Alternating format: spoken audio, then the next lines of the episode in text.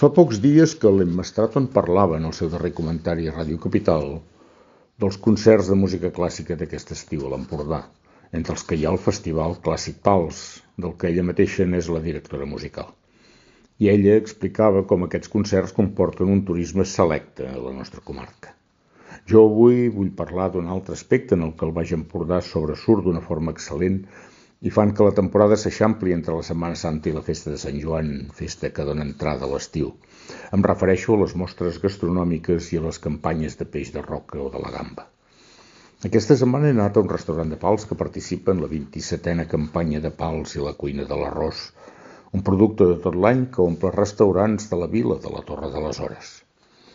Paral·lelament a Begú es celebra la 24a campanya gastronòmica Peix de Roca, fent un homenatge al peix de roca i ajudant-nos a detectar combinacions de textures i sabors diversos.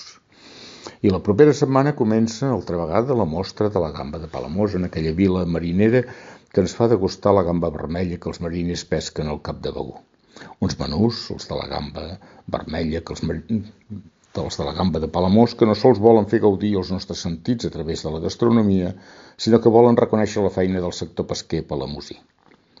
Tres exemples entre molts d'altres que demostren que els catalans de les pedres en fem pans, i més que pans, uns menús suculents i gustosos per sucar i pa. No us perdeu aquestes mostres de cuina i gastronomia. Assaboriu un bon arròs de llamàntol o un suquet de peix de roca o unes gambes vermelles de palamós. Els que vivim tot l'any a l'Empordà també hem d'aprofitar el talent culinari dels bons cuiners d'aquests excel·lents restaurants.